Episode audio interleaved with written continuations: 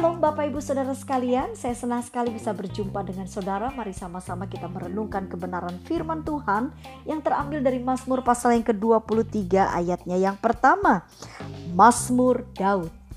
Tuhan adalah gembalaku, takkan kekurangan aku. Ayat ini cukup pendek, tapi ayat ini memberikan pengertian yang cukup menarik buat kita bahwa selama kita menjadikan Tuhan gembala kita, maka kita tidak akan kekurangan. Bapak Ibu, hari-hari ini begitu banyak orang stres, banyak orang khawatir karena kondisi yang ada hari-hari ini.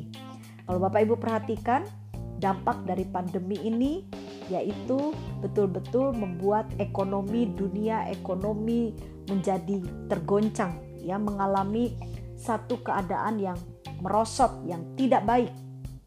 Tapi saya sangat percaya sekali kalau kita punya pemahaman yang benar, Bapak Ibu, meskipun semuanya bergoncang, kalau cara pandang kita selalu terpacu kepada hal yang benar, maka di tengah goncangan sebesar apa pun, kita akan mengalami ketenangan. Yang kita perlukan hari-hari ini adalah ketenangan jiwa. Karena bagaimanapun juga kenyataan hidup harus kita jalani. Bapak Ibu Saudara, saya pun mengalami bagaimana uh, kesulitan atau mungkin ekonomi tergoncang. Ya, semua kita mengalami. Tetapi sebagai seorang hamba Tuhan, saya ingin mengajak Bapak Ibu untuk kita tetap tenang karena saya sangat percaya Tuhan sanggup pelihara kita. Kalau saya memperhatikan dan Bapak Ibu juga merenungkan bagaimana perjalanan bangsa Israel di padang gurun. Mereka jauh dari hal-hal yang mungkin uh, secara jasmani nyaman, sangat jauh.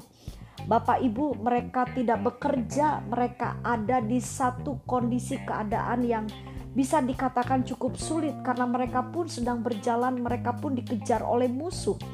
Bapak Ibu, tetapi perhatikan baik-baik di tengah padang gurun yang gersang. Tuhan sanggup memberi mereka makan dan minum. Tuhan sanggup memelihara hidup mereka. Percayalah bahwa kuasa Tuhan dari dulu sekarang sampai selamanya tidak akan pernah berubah. Saya sangat yakin Firman Tuhan mengajar kepada kita supaya kita menjadikan Tuhan sebagai gembala kita.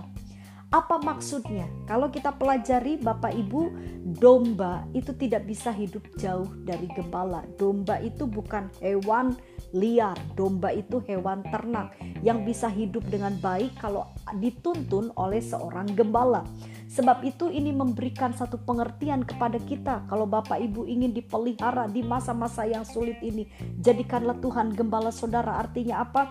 Hiduplah dekat dengan Tuhan dan dengar-dengaran kepada firman Tuhan. Selama kita dekat dan dengar-dengaran kepada Tuhan, percayalah kita akan dipelihara oleh Tuhan. Bapak Ibu Saudara sekalian, saya sangat percaya sekali bahwa firman Tuhan itu ya dan amin. Saya sangat yakin Tuhan sanggup memelihara kita semua sebagai orang-orang yang tahu mendekatkan diri kepada Tuhan dan kita yang percaya kepada Tuhan. Kita selalu bersandar kepada Tuhan. Yakinlah bahwa Tuhan sanggup memelihara kita dengan caranya yang ajaib. Sebab itu, tetaplah mengucap syukur. Fokus dengan Tuhan, jangan fokus dengan masalah. Lihat, masih ada makanan di meja, masih Tuhan berikan kesehatan, itu hal yang sangat baik Tuhan berikan kepada kita. Mari kita mengucap syukur, jadikan Tuhan gembala kita. Amin.